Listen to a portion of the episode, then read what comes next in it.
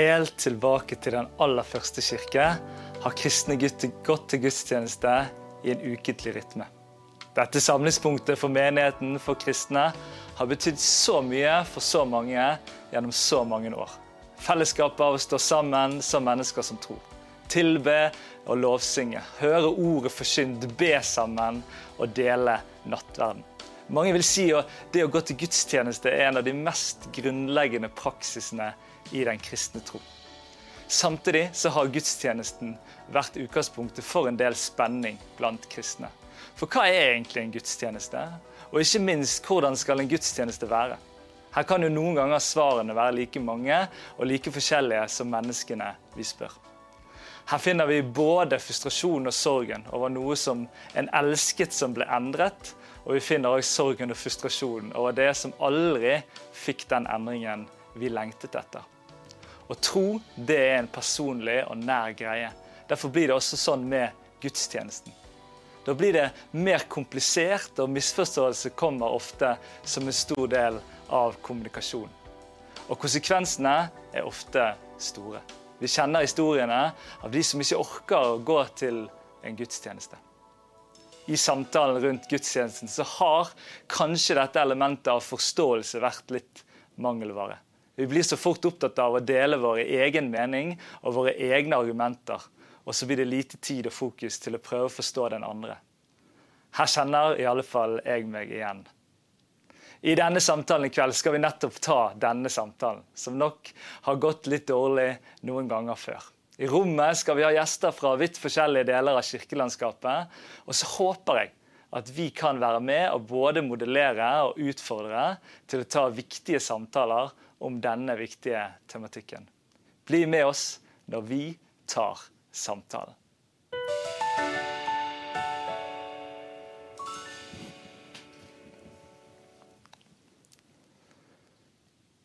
Velkommen til samtalen. Nydelig at du er med oss her i kveld. Og vi skal altså snakke om gudstjenesten. Og Med meg her i stolen så har jeg deg, Ingvild Løklingsholm. Veldig hyggelig at du ville komme. Takk for det. Kjekt å bli spurt. Ja, Og du er eh, forsamlingsleder på IMF Stord. Ja, det stemmer. Tatt fergen oppover her til Bergen er med oss. Ja, ja, ja. Helt nydelig. Vi skal snakke om gudstjeneste. Og Kan du fortelle litt om din fortelling i forhold til det med menighet og møter? og liksom Litt sånn helt fra, helt fra starten av. Ja. Ja jeg, som lita jente så uh, var mine foreldre med i pinsemenigheten i Haugesund, Tabernaklet. Og jeg har uh, fått gått på søndagsskole der og litt forskjellige lag opp igjennom til jeg ble konfirmant. Da ble nok rommet litt for trangt for meg, og det var litt for mye regler og bud. Og for ei jente som ikke hadde grepet frelsen gjerne sjøl, men opplevde mer det var blitt liksom bare pålagt meg, så ble det nok ikke Jeg hadde ikke den krafta til å bli stående eh, i det å skulle kalle meg en kristen. Jeg kjente nok veldig på at eh, hvis ikke jeg lever sånn, så kan jeg heller ikke si at jeg er en kristen. Men jeg slutta nok aldri å tro på Gud jeg ba til han og tenkte nok at han var med meg og, og beskytta meg. Og, men der var jeg altså. Og um, så jo, kom jo ungdomstida, og det var festing og det var turing, og jeg var nok eh, en av de mest ivrige der. eh, og um, det skulle gå noen år før jeg fant veien eh, tilbake igjen til, til Gud og, og, den nære relasjonen til han, selv om han var der, men nok mer fjern. Eh, så jeg fikk ei lita jente, og i den forbindelse så ble jeg ramma av fødselsdepresjon. Eh, og når hun var halvannet år, så eh, ba jeg til Gud. Da var jeg i ei djup krise hvor jeg egentlig var på vei ut av Jeg var jo bare samboer den gang.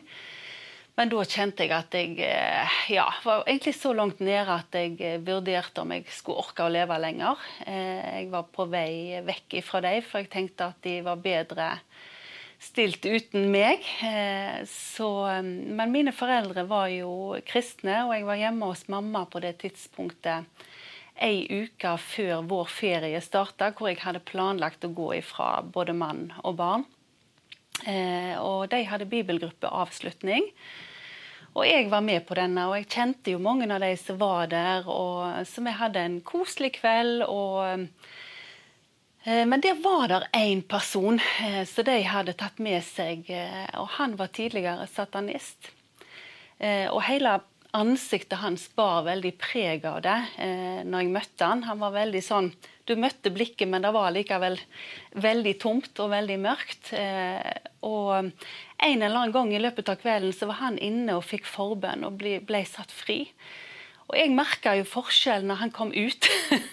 da var det godt ørene var der, så jeg, for hele mannen var bare Det var så stor forskjell på han rent fysisk at for meg ble det sånn Oi, er det håp for han, så er det gjerne håp for meg òg. Men jeg hadde jo ikke sagt til noen hvordan jeg hadde det, og jeg tenkte nok at de ikke visste. Men det som jeg har fått vite etterpå, var jo at de hadde jo vært i bønn og faste for meg i, i månedsvis. Mm. Ja. eh, og mor mi hadde stått framme og vitna tirsdagen før at nå er Ingvild så nærme, dere må bare fortsette å være med og be. Eh, så det er kraft i bønn, ja. spesielt for bønnebarna. Ja. så jeg eh, tok motet til meg når det var tre stykker igjen da, denne kvelden, og spurte om de kunne be for meg.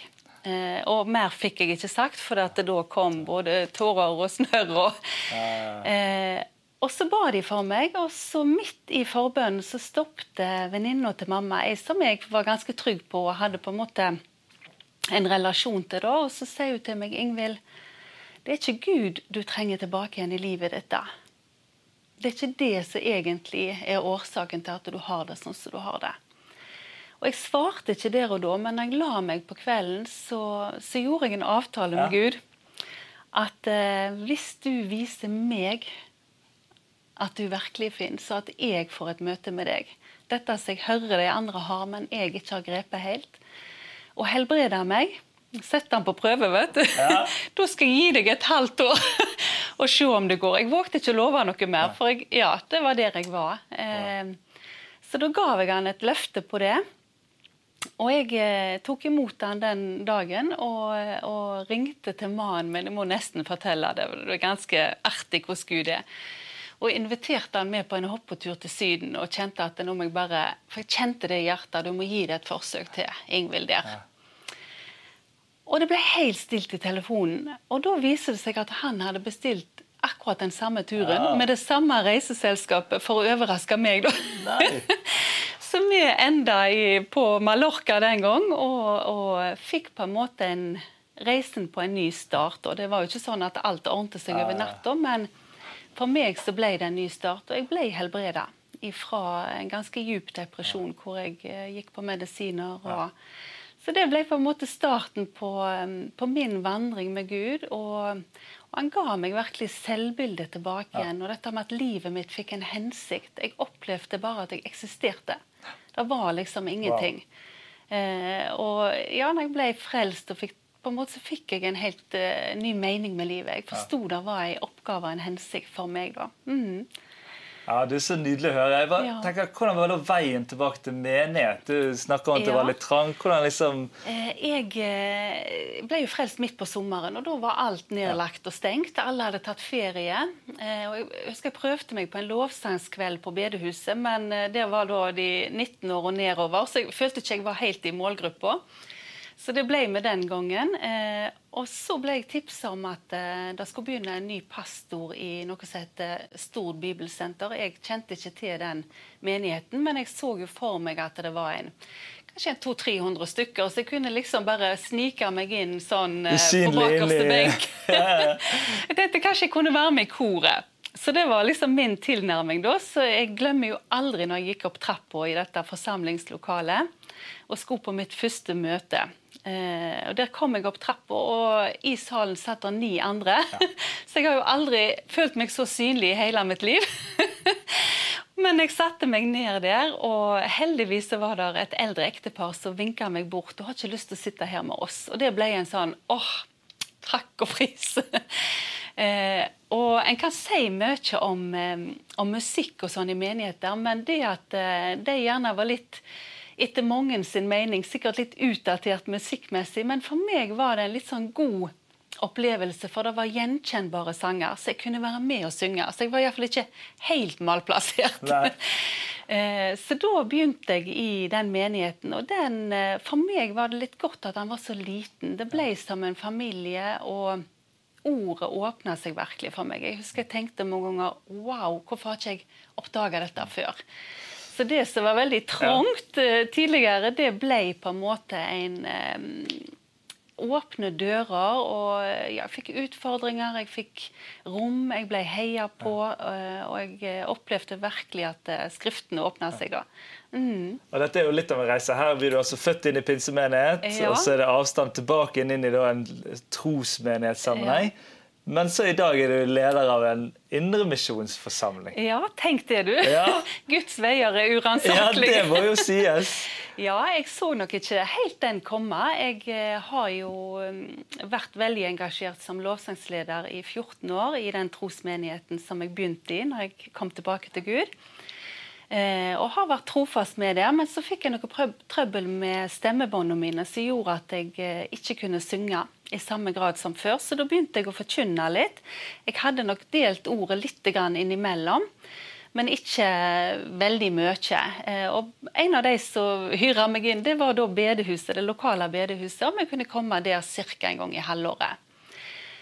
Og jeg opplevde nok de som en forsamling som den første gangen jeg besøkte de var ganske skeptiske og litt lukka og litt eh, Ja, hva er dette?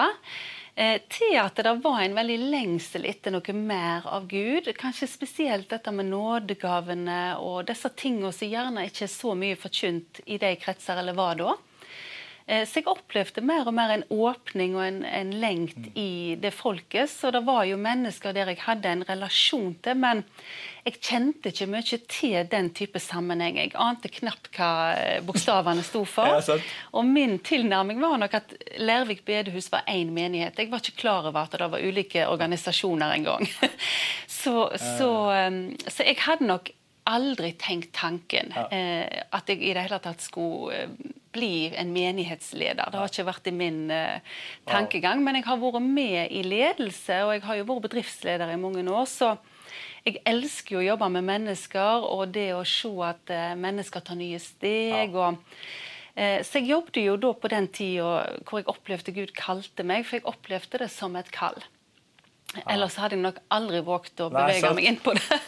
Og, det, og Jeg gleder meg sånn til å høre mer konkret hvordan du jobber i dag. For det skal vi liksom nå bevege oss videre inn mot den uh, gudstjenestetematikken. Men uh, den historien der, wow. Takk for at du deler. Nå skal vi få lov til å høre fra, fra folk hva de tenker om, eh, om gudstjeneste. Så ta en titt på dette her.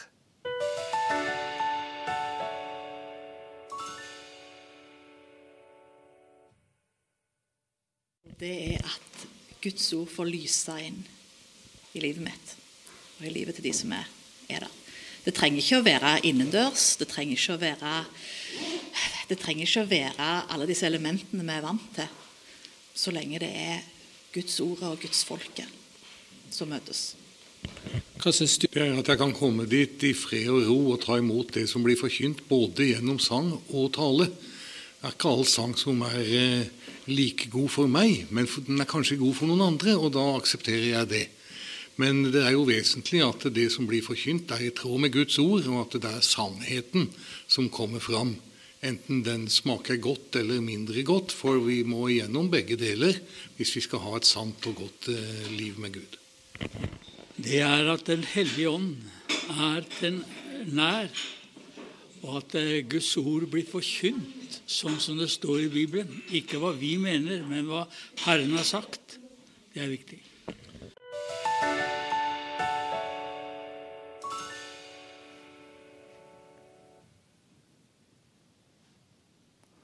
Da har jeg fått lov til å fylle rommet her med, med to nye gjester. Daniel Mathisen, hjertelig velkommen. Medpastor i Salt Bergen og lang fartstid i menighet. Veldig glad deg her. Og så har vi William Grosås. Høyskolelektor, NLA, prest. Nydelig. Så gøy. Nå er vi altså samlet i rommet her, en gjeng med ganske forskjellige historier. Og ganske forskjellig vei inn i dette tematikken som gudstjeneste er. Eh, hvordan ser liksom eh, den hverdagslige liksom, ukesrytmen av gudstjenesteliv for dere ut i dag? Du, Daniel? Gudstjeneste går til gudstjeneste i Salt i Bergen, som jo holder til i Forum på Danmarks plass. Så Det er jo et eh, annerledes sted å gå til gudstjeneste. Det er første stedet Salt eh, eier.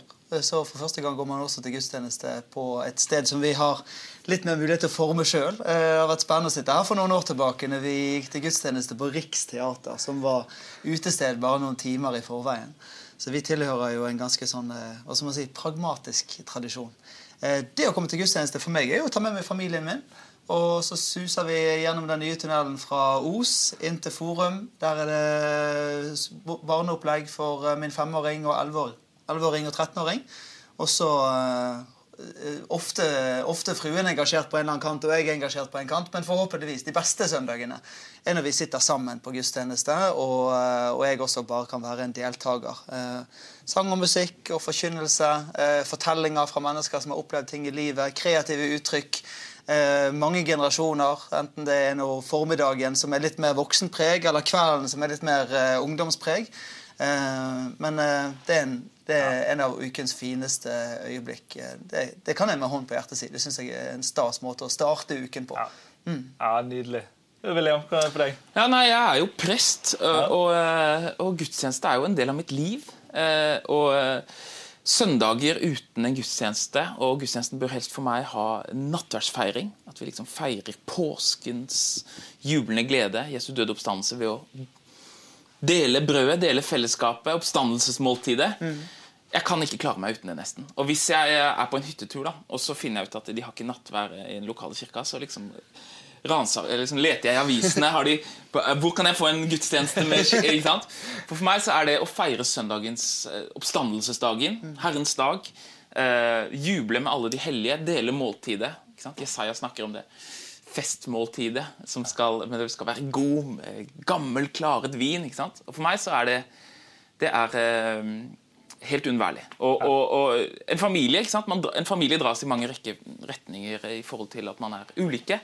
Men det at vi kan samles om det at dette er umistelig for oss å dra på færre gudstjeneste, um, det er en viktig del av mitt liv. Og så er jeg altså jeg er jo prest, så, så, så, det å leve i kirkeåret, følge de ulike eh, sesongene Nå nærmer vi oss uh, ulike faser som kommer. ikke sant?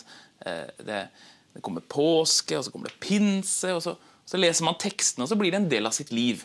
Og søndagen på en måte preger hele den kommende uken. Mm. Og så man, kan det være gudstjenester i ukesgudstjenester. Men for meg søndagens samling, de døpte som samles man kan si i himmelen, kan man si, sammen med den himmelske forsamlingen, og jubler over Jesu oppstandelse rundt å dele brød. Den intimiteten i, i, i, å ta del i Jesu kropp og blod. Eh, det, er, eh, det er umistelig, da. Ja, nydelig, William. Ja. Og så er du da, ja. Ingvild. Eh, vi er jo en forsamling bestående av mange ulike generasjoner i lag. Og det er nok godt det der å samles på kryss og tvers av alder. Eh, men vi har jo eh, undervisning til barn og i ulike grupper. og men det der å komme sammen og ta til seg av Guds ord og hva skal jeg si, sette sette oss litt avsides med han, la han få betjene oss, la han få vinne skikkelse i oss, og på en måte la oss forme av ordet. Eh, at vi har en forventning til at han vil møte oss når vi faktisk kommer, og søker hans ansikt både i lovsang og gjennom at vi åpner hjertene for ordet. da. Så jeg tenker jo at det er noe med det der å gi Gud rom i vårt liv, ha gode rytmer i livet vårt. Og så er det òg knytta en del løfter til dette med å komme sammen med alle de andre hellige. For det er ikke alltid enkelt. Eh, og det kan være brytninger og det kan være ulike ting som vi sikkert skal inn på, men det er noe med å velge å trosse det og velge å på en måte gå i lag da, som flokk. Jeg tenker det er noe verdifullt der. Eh, og så er det noe med å når de kom sammen og så de andre, så fatta de nytt mot. Sant? At uh, Vi lever jo i en sekulær verden hvor ja, vi trenger hverandre som kristne og vi trenger hverandre som søsken mer og mer i den tida vi lever i. Så det er godt å ha et fellesskap.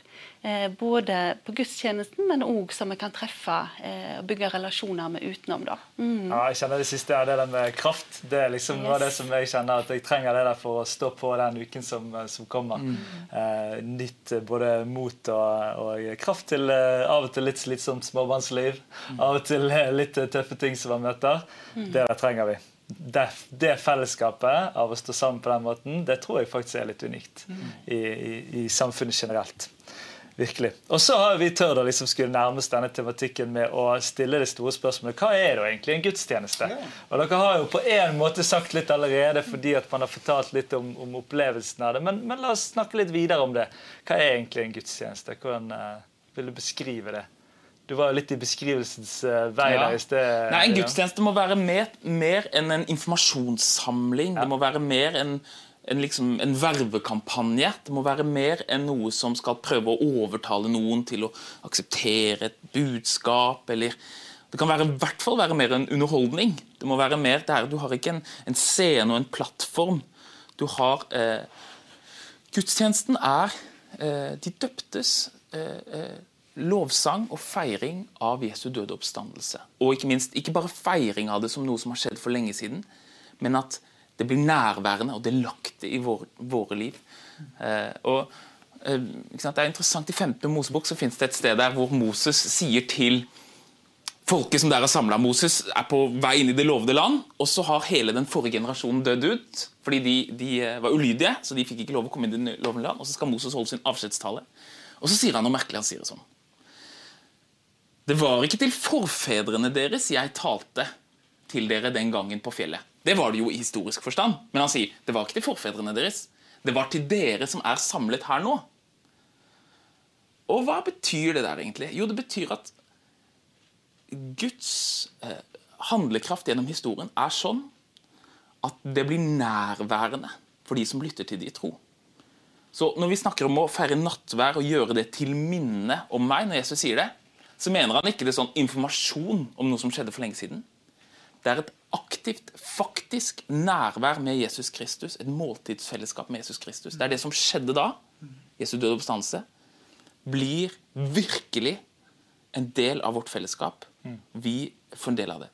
Og det perspektivet som handler om at det, liksom, det, er ikke på en, det er ikke bare på et sekulært nivå. Vi minnes noe som skjedde for lenge siden. Vi snakker om noen teorier.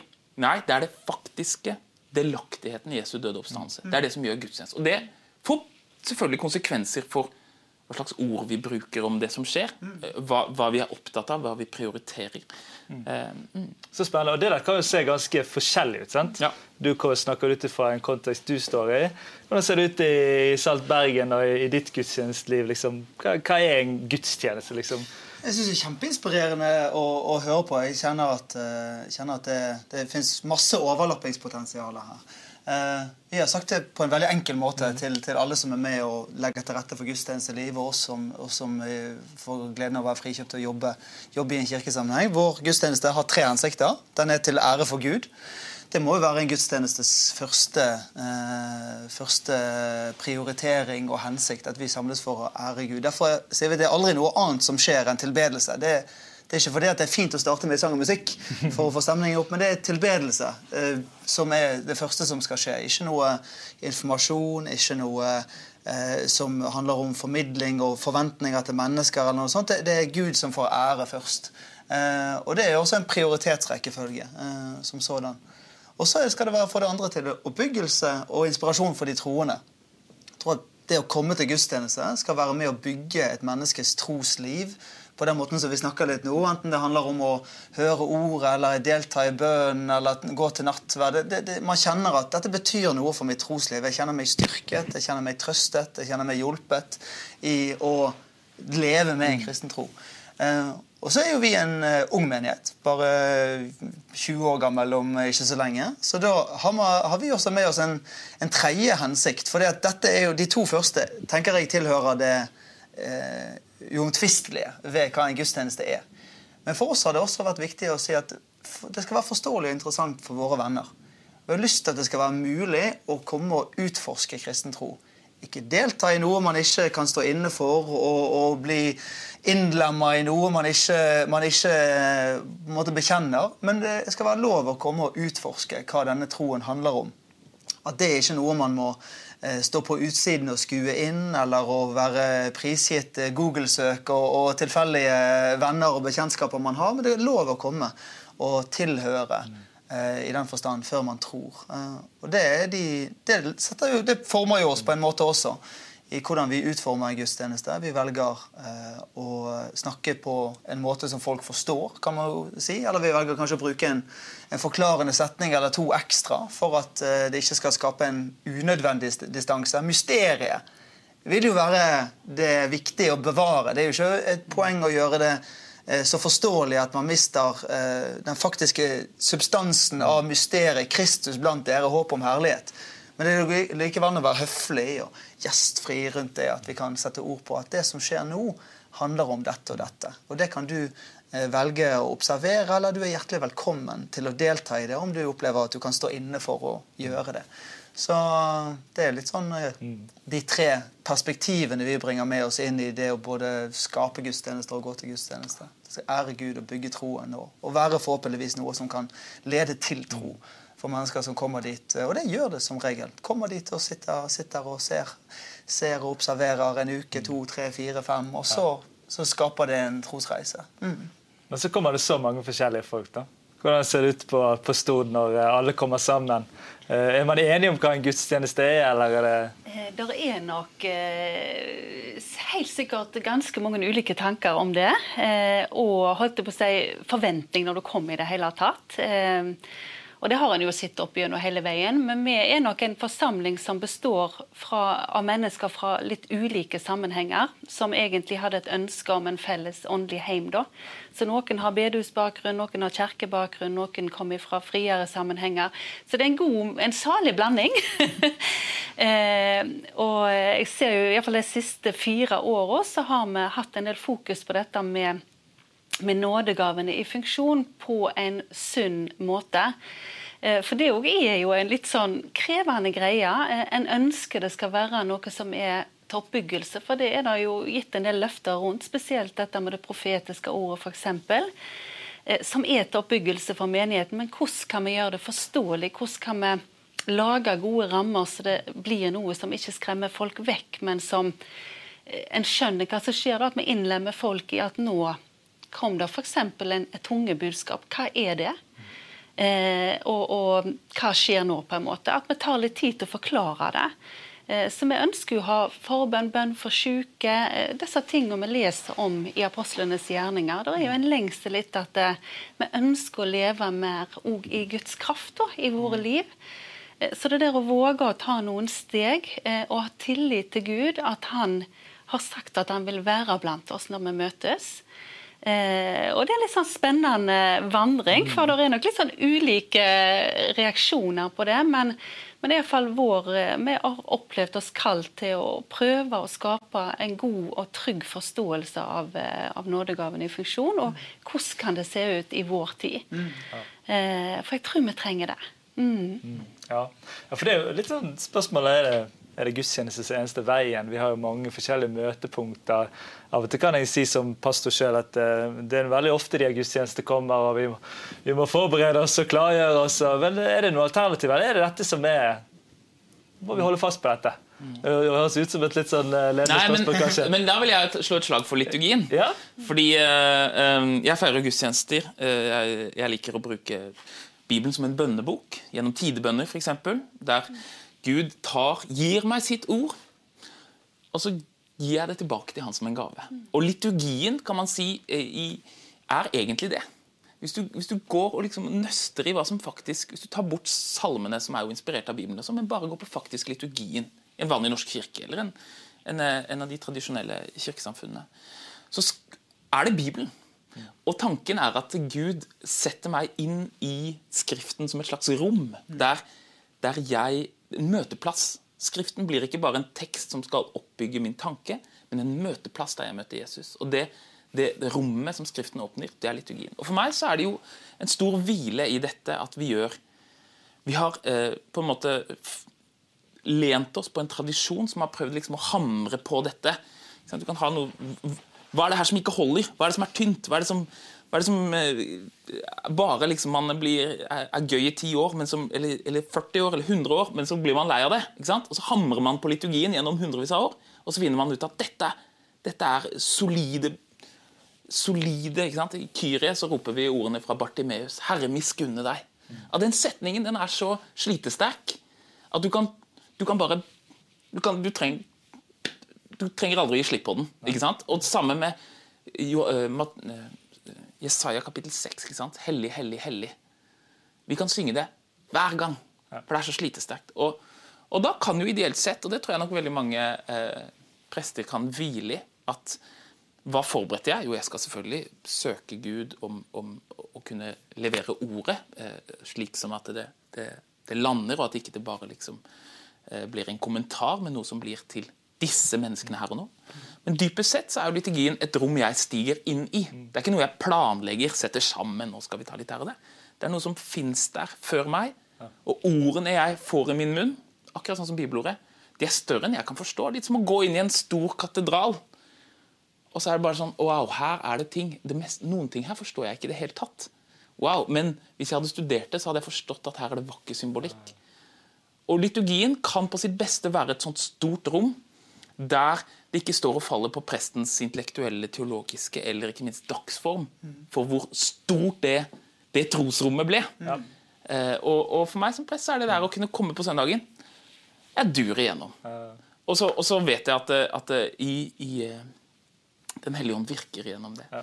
Um, så, um, så det finnes en hvile i det. Ja, jeg er litt sårbare i litt friere sammenhenger? Liksom Med planlegging og produksjon og uh, i forhold til det liksom, at det krever litt mer noen ganger, eller at det tar litt mye krefter? Eller? Ja, det er absolutt. absolutt. Jeg syns det, det, dette her er et, et, interessant landskap. Vi har eh, jo mennesker som, som tilhører de fleste av våre forsamlinger er ganske bredt utvalg av mennesker. Så det er jo, man kan jo ikke heller sitte, eh, sitte i noen sammenheng og tenke at her tenker vi likt om det. Eh, vi har gjort et par grep de siste par årene for å, for å nettopp måte bredde ut den opplevelsen av at det er noe som er tidsaktuelt og tidløst, eller det er noe som er måte, i, kontakt med samtiden, men samtidig så er vi jo i, i, kontakt med det evige i den forstand.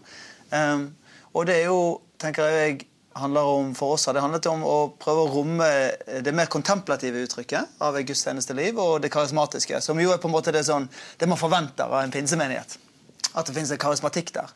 Eh, vært og kjøpt en smijerns lysglobe satt det er en del av vårt gudstjenesteliv. Eh, gitt mer rom for at man ikke kun skal respondere gjennom entusiastisk lovsang, men at det er mulighet til å søke stillhet og søke forbønn. At det finnes rom i, i lokalene våre for å eh, nærme seg Gud på andre måter enn, en det som kanskje kan bli en sånn one size fits all eh, å tenke om, et, eh, om en eh, måte å delta i, i, i, vår liturgi. Vi har jo også en liturgi i den forstand, vi, i den forstand at Eh, man kan si at det finnes en, en, en fasthet eh, over leddene i en gudstjeneste. Eh, liturgi ment i den forstand.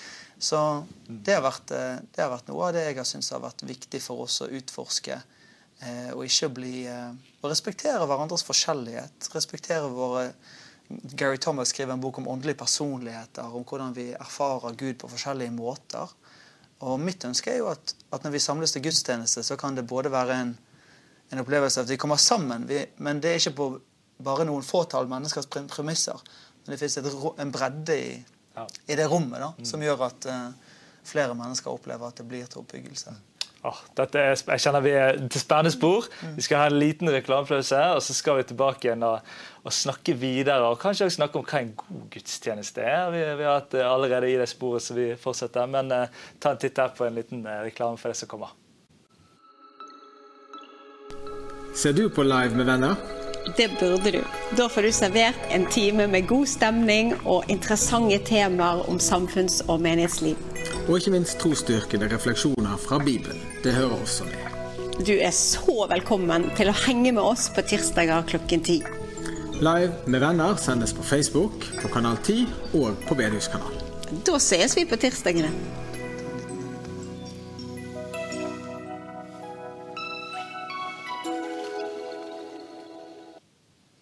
Velkommen tilbake. Så spennende å få prate om disse tingene. Hvis man liksom skal si at det var en god gudstjeneste Nå var det skikkelig bra. Liksom. Det var sterkt, det var godt. Vi har mange forskjellige begreper. Eh, hva må være med, da? Eh, du har nevnt nattverd flere ganger her nå som en sånn Det er fordi at jeg tar ordet for gitt. ikke sant? Fordi man legger jo vekt på det, det som man føler kanskje det blir lagt for lite vekt på. Så ordet er at det skal være lesninger, ikke bare parafraser av Bibelen. Skal ikke, presten eller predikanten skal ikke bare gjengi bibelfortellinger. Det skal leses fra bibelteksten i fellesskapet. Fordi når vi er i fellesskapet, så hører vi tekstene på en annen måte, og Jesus blir nærværende. Når presten eller predikanten leser Guds ord i forsamlingen, så er det Jesus selv som taler til oss. Og Derfor så skal det være ordet skal både forkynnes og leses. Ikke bare forkynnes. Det er annet å stå på Aropagos, sånn som Paulus gjorde. Men i eh, forsamlingen så skal vi lese fra apostlenes skrifter, og fremfor alt evangeliene. Det må være med. Ja. Og så må det være dette, mener jeg da, at vi i hvert fall regelmessig samles på den, det andre ordet og bordet.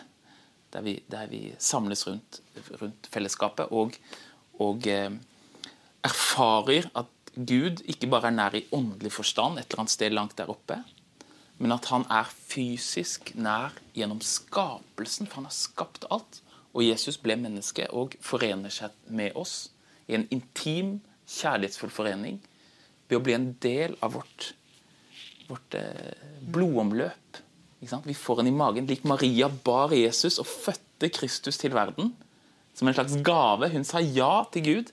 Så sier vi ja til Gud, til at vi gjennom nattverden skal vi få bære Kristus som et frø i oss, og ved god frukt bære det ut i verden. Og det at det ikke bare er åndelig, men materielt, gjennom noe vi kjenner i hendene våre, det er umistelig for en kristen spiritualitet som tar på alvor at Gud ble menneske. Så ordet og bordet må vi ha. Har, har vi noe å lære av våre sammenhenger? Ja? Eh, Jeg tenker bare litt på det du sa i forhold til innledningen din her med hva er en god gudstjeneste. Eh, og det er det jo helt sikkert like mange svar på som opplevelser. For det som ofte skaper litt brytninger i våre sammenhenger, da, er jo at vi opplever ting så forskjellig. Sant? Noen blir veldig møtt gjerne gjennom lovsang, noen blir møtt av ordet, nattverden, liturgien. Vi er så ulike som mennesker, og vi møter Gud og opplever Han så forskjellig at jeg tror alltid de spenningene vil være der. Hadde nettopp en som hadde ledet lovsang, og da kommer det altså ti stykker og jubler for lovsangen. Og en del andre som klager. Altså, sant? Du har alltid disse her spenningene. Så en god gudstjeneste for den personlige på en måte, smaken er jo gjerne det som treffer meg. Men treff, det som treffer meg, trenger jo ikke oppleves bra for deg. Men fortelle, ja. Så, så litt det der å ha hva skal jeg si, Signalisere litt godt hva er det nå vi har. Vi har jo bl.a. storsamlinger for hele flokken, hvor vi er alle mann alle. Da, er, da går vi litt på kompromiss, alle. For at det skal bli en god opplevelse for fellesskapet. Og jeg tror jo at nettopp den der dynamikken der, der har vi noe å lære. Det er der at jeg faktisk må ofre litt òg. Ja. Eh, enten i det å være en åndelig forelder og romme eh, mennesker som er nye på veien og kanskje velger å gjøre ting på en annen måte enn meg. Romme sangstil, som kanskje ikke er min personlige smak. Romme det at eh, ordet kanskje ikke fikk så stor plass som jeg hadde ønsket fordi det var masse småbarn til stede. Mm. at, at formen ble en annen enn det som gjerne jeg aller mest kunne ønsket meg. Og jeg tenker dette òg er det jo dette med gudstjeneste handler om. For er vi villige til å gi litt av det som liksom, jeg skulle ønske var der for at det skulle være helt innertier for meg? Er jeg villig til å gå litt på kompromiss òg der? Og Derfor tror jeg jo at mennesker velger ulike plasser å gå. sant? For vi er jo litt sånn egoistiske. hvis vi Ja, du, du setter ord på veldig viktige ting og gir inntrykk på meg. Og, men begge dere legger vekt på uh, det som har med at vi er ulike å gjøre. Og det er ett perspektiv. Men, og, og jeg tror du har veldig rett. Og jeg tror at det å, å lengte etter det perfekte fellesskapet er oppskriften på å bli alene i sin tro. Og da dør troen. Mm. Uh, alle fellesskap vil ha en slags eh, utilfredsstillelse som jeg må akseptere, fordi det er der Jesus fins. Han fins i det som er i de fellesskapene som er eh, uperfekte. Men det som uh, jeg synes er viktig, det er å ikke redusere spørsmålet om gudstjeneste til et spørsmål om smak. Ja. Fordi uh, gudstjeneste er den måten vi tilber Gud, og det former troen vår mer enn noe annet. En veldig tidlig kirkefeder han var Johannes evangelistens åndelige barnebarn. Dvs. Si at han var disippel av disiplene av Johannes evangelisten. Han het, han het Ireneus, og han var biskop i Lyon. Og Han eh, sa dette. Han sa troens lov er bønnens lov i betydelse. Hvordan vi ber, hvordan gudstjenestene våre utformes, det er vår egentlige trosbekjennelse. Så sanger og hvordan liturgien er slått sammen Ja, vi er forskjellige, og ja, vi må ha et, et mangfold, et enhet i en mangfold. Men hvis det reduseres til særinteresser, om jeg liker ikke sånn gitar, eller jeg liker ikke den, så bommer vi på hva slags samtale vi bør ha. Som er jo det en slags teologisk samtale. Hva slags bilde vil vi formes i? Hvordan skal gudstjenesten forme oss til å bli lik Kristus? Og Da må man løfte nivået. Alle parter må på en måte gi avkall på sitt og løfte nivået fra 'jeg liker og du liker ikke' til hva er å tilbe Gud i ånd og sannhet? Hva er å tilbe Gud på en måte som, som ærer Gud og former vår tro, slik at det blir en tro som blir til liv? Og eh, da er spørsmålet her, jeg har også stillet et spørsmål, Du nevner dette med, med at dere er, bruker mye energi på at, at, de som kommer til gudstjenesten, skal eh, kjenne det at, det at, at, de er hjemme i det. Men et litt sånn kritisk spørsmål. da, Fins det en risiko i sammenhenger som salt, mm. Som, som, gjør utrolig mye bra, som jeg, som jeg er, eh, både beundrer det arbeidet dere har gjort, og, og, og gleder meg over. Men fins det en risiko at man lærer menigheten opp til å på en måte å se seg som konsumenter av noe som er tilpasset min smak og min stil. Altså, eh, ikke sant? Dere har eh, moderne musikk eh, som man synges nå, men som besteforeldregenerasjonen til de som kommer på gudstjenestene deres, kanskje aldri har hørt musikken, eller som kanskje ikke er så relevant om 50 år. Og uttrykket forandrer seg veldig fort, fordi man ønsker å være åpen for men fins det en risiko da for at man lærer menigheten til ikke den ydmykheten du beskriver, men at man kan lære de til å se seg selv som et publikum som skal på en måte konsumere en gudstjeneste? Eh, hvordan, hvordan reflekterer du om dette? Absolutt. Eh, det er ikke, en, eh, det er ikke et spissformulert spørsmål, det. det, det og jeg tror at for mange for mange av oss er det en brytning vi må stå i, i, i selve selvforståelsen vår som disipler mer enn forbrukere. Eh, og at når, eh, når man eh, velger å være, forstå seg selv som en disippel, og ikke som en som leter etter minste motstands vei, eller en på, som et sted der man kan få møtt sine preferanser, så, så er det en grunnholdning som bør gjøre at man, man i fall velger å være til stede der man er av noen andre årsaker enn at dette treffer mine smaksbehov. da. Um, og så tenker vi på en måte ikke det er et poeng i seg sjøl å, å, gjøre det vanskelig for noen å trives. Uh, ved at det skal gå på tvers av alle eh, preferanser og, og, på en måte gjøre det til noe sånn hva skal man si, saliggjørende at, at dette er så utilgjengelig og, og så langt vekke fra den eh, faktiske hverdagen vi befinner oss i, at, at det, da, da, blir det virkelig sunt og, og sant og, og forankra. Eh, så det er jo den spenningen av å skulle både være Eh, samtidsmennesker, men, men, men, likevel eh, bekjenne en evig tro. Um, det, der kanskje jeg. Og Det er et spørsmål man kan stille tilbake til liturgiske sammenhenger. altså At man kan bli elitistisk. Det blir for de som har veldig sånn forfinede smaker i forhold til at man bare vil ha klassisk musikk, eller at man bare vil høre på det man selv mener er liksom høy litteratur. og sånne ting. Altså man, og det er fremmed for den kristne. I, i anglikanske kirke så har de jo eh, utrolig vakre gudstjenester. ikke sant? Vi så dronning Elisabeths gudstjeneste. Fantastisk vakkert. Mm. Og, og, og, det, liksom, det tilber jo Gud. Men, men, den anglikanske kirken har også et, et, et, utfordring ved at det fort kan bli et elitistisk miljø knyttet til den kirkemusikken og den liturgien. Og, sånn og kirken per definisjon er allmenn. Den er for alle. Og, eh, og eh, det å finne den balansen mellom det som varer på tvers av generasjoner, mm. som er så slitsterkt at du kan hamre på det, altså på en måte det, det holder, mm. og at det er allment.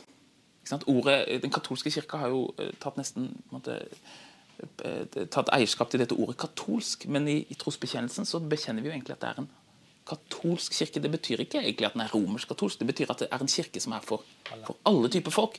De som har eh, har manuelle yrker, og de som har eh, yrker der de bruker hendene og skrive. De som er, elsker å lese dikt i skogen, og de som eh, liker å, å, å, å, se på fotball. ikke sant? Og, og, de som liker begge deler, sånn som meg.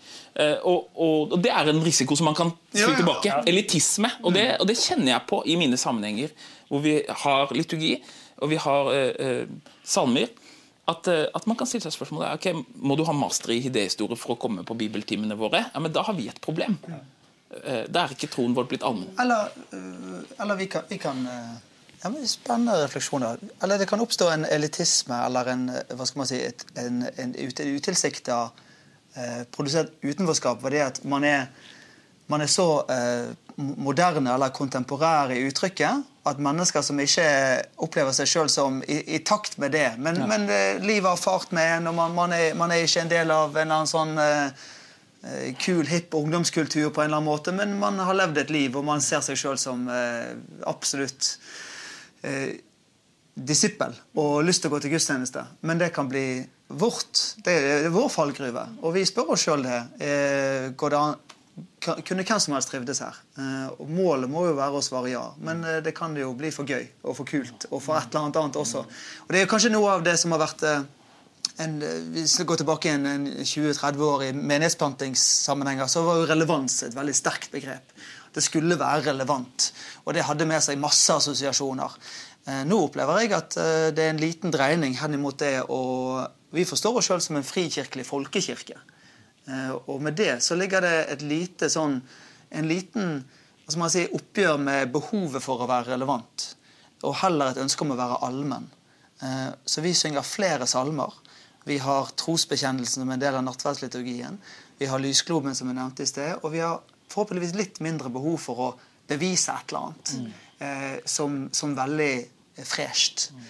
Um, og det, det, er en kunst mm. å kunne klare å reflektere over sin egen, sin mm. egen vær, væremåte og, og fellesskapsform uh, uten å få For elitisme oppstår alltid når man mm. tror at man har skjønt noe.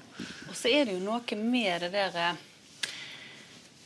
det å bli på en måte aktuell, eh, hva legger vi i det? Sant? For mange eh, har jo kommet til meg blant annet, med forslag om at ja, men hvis vi bare liksom rydder Jesus litt mer, altså ikke blir så tydelig og ikke så så har vi en tanke om at vi vinner mennesker på den måten. Men jeg må jo si for meg som var i verden da, så var det jo det stikk motsatte som mm. appellerte. Hvorfor har ikke jeg opplevd dette med Guds ånd, Den hellige ånds tiltale, disse tingene som vi mange ganger føler vi må legge vekt for å, mm.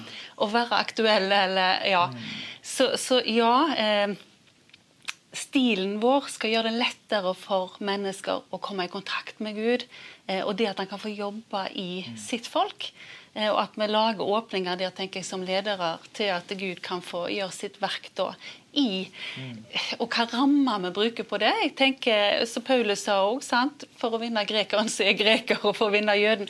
Altså, ja. Jeg tenker ikke ramme må være et middel for å nå målet, men dette med å tilbe Gud i ånd og i sannhet, og våge å snakke litt om motivene våre i det vi gjør. Mm. Eh, og gjerne stille de spørsmålene tilbake òg når, når, det blir litt gnisninger. Hva er egentlig motivene våre her? Mm. Ja. Å, så spennende. Vi er jo midt inni der. Jeg hørte du snakket i sted om denne barnesamlingen når vi er alle sammen sammen. Erfaringen sjøl at da er det et eller annet som skjer. Når barna får sette mm. litt uh, agendaen, så tilpasser vi oss alle, og så blir det et sånn hellig kaos, som vi pleier å si. Og det er jo et ja. ord der med Han skal vende fedrenes hjerte ja. til barna og barnas hjerte til fedrene. Så ja, Vi må rett og slett gå videre. Du, tusen takk for at dere var med. Virkelig spennende samtale. Jeg håper samtalen kan fortsette. Vi går til en andakt som vi skal føre nå. Vær så god og hør.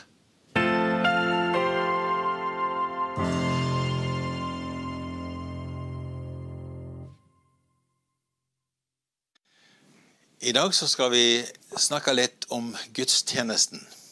Det at vi som gudsfolk kommer sammen på den plassen der vi bor, for å tilbe Gud og for å høre ifra Han. Og Jeg har lyst til å ta utgangspunktet i Hebreabrevet kapittel 2. Der det er dette avsnittet der det står om Jesus som menneske, som eh, alle ting blir lagt under. Og så er det hans framstilling, hvordan han er sammen med oss i det å tilbe Gud og tjene Gud. Så vi leser sammen i Hebreabrevet, kapittel 2, og ifra vers 10. Gud ville føre mange barn til herligdom. For han og ved han er alle ting. Da måtte han la opphavsmannen til frelsa nå fullending gjennom lidinger. Han som helga, og de som blir helga, kjem alle fra den ene. Derfor skjemmes han ikke ved å kalle de søsken. Han sier, Jeg vil forkynne ditt navn for mine brødre. Midt i forsamlinga vil jeg lovprise deg. Og likeens, jeg vil sette meg lit til Han. Og sjå, her er jeg og de barn som Gud har gitt meg. Her har vi et avsnitt der Jesus sier hvordan han tenker omkring gudstjeneste. Hvordan han tenker omkring det i midt imellom oss å tilbe sin far.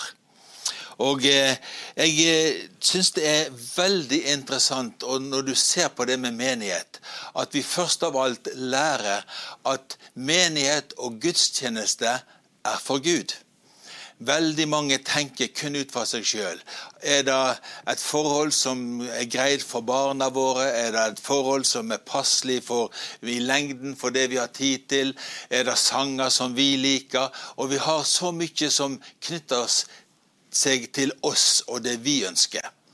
Men gudstjeneste er først og fremst for Gud. Og det er for oss til å være sammen med de som hører Gud til, for å tilby Han. Og Når vi ser på det som Gud eh, deler med oss her i sitt ord, så er det første vi trenger å forstå at Gud har en plan. Han ønsker å føre mange barn til herligdom. Han gjør noe med oss når vi sammen stiger fram for Han. Og så må vi forstå at her at alt er for Han. Og at det, det er Han vi har oppmerksomheten på. Det er Han vi skal tilbe. Og så er det et element her der det er en lidelse. Jesus hadde lidelse for å nå fram til det som han skulle gjøre. Og i det å se gudstjenesten fungere, så er det et element av lidelse. Av å tåle det som kan være ubehagelig òg. Og så har Jesus denne enkle utsagnet. Han sier han skjemmes ikke ved oss. Og, og det er, eh, har med relasjonen vår til hverandre å gjøre. Jesus, den fullkomne, som aldri feiler på noe, han skjemmes ikke ved å være sammen med oss som er ufullkomne, og som kommer til kort på så mange ting. Men han har en holdning der han inkluderer og elsker oss sånn som bare han kan. Og så vil han at vi skal elske hverandre og at vi skal ha denne holdningen til hverandre, der vi ikke skjemmes av hverandre, men vi inkluderer hverandre. Når denne holdningen er viktig når gudstjenesten skal flyte sånn som Gud vil. Og eh, Det er interessant når Paulus skriver til Timoteus, så sier han skjemmes ikke ved vår Herre Jesu Kristi vitnesbyrd, og heller ikke ved meg, hans fange. Så det er denne frimodigheten i forhold til Jesus og evangeliet, og vår frimodighet i forhold til søsken, og måten som de lever med Gud på. Og så har vi dette her, at det er to elementer, som han sier. Jeg vil forkynne ditt navn for mine brødre. Forkynnelsen av Guds ord, av Hans navn, er så viktig når vi kommer sammen i gudstjenesten. Og det andre er at midt imellom oss ønsker Jesus å lovprise sin far.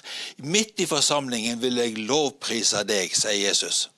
Så vi kan lære av dette enkle her, at gudstjenesten har to enormt viktige elementer. Det er å tilbe og lovprise Gud, og det er å høre ifra Gud Hans ord. Og Når det kommer til å tilbe og lovprise Gud, så stiger vi, stiger vi framfor Gud med takk. Vi alltid går vi gjennom portene hans med takk. Og så lovpriser vi han for den han er, og for det han har gjort. Og så vil Den hellige ånd lede oss inn i en beundring av Gud og en tilbedelse av Gud. Sånn at gudstjenesten virkelig blir ei stund med Guds nærvær og Guds velsignelse over oss. Så vær velsigna når du stiger framfor Gud sammen med de andre. Ikke bare enkeltvis, men som menighet stiger vi framfor Gud sammen for å ære hans navn.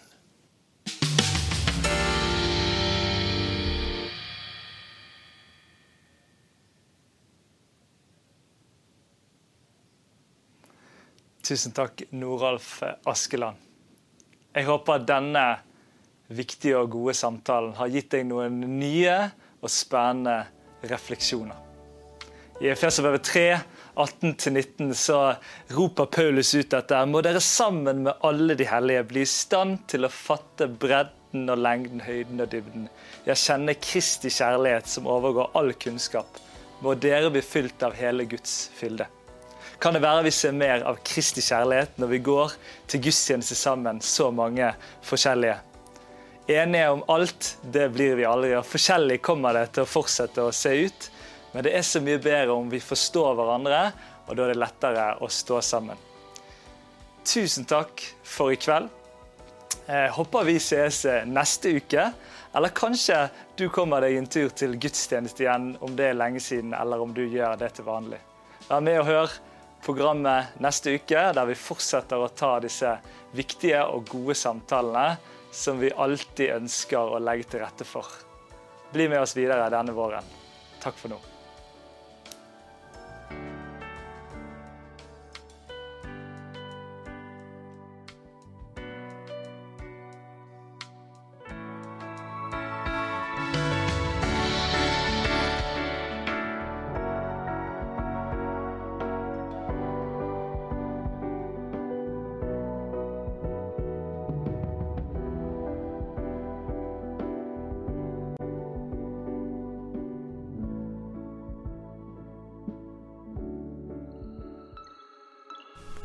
Hver uke gir vi ut et nyhetsbrev fra Kristen Media Norge. Det kan du få tilsendt på e-post helt gratis. Da kan du få vite hvem som er gjester før noen andre.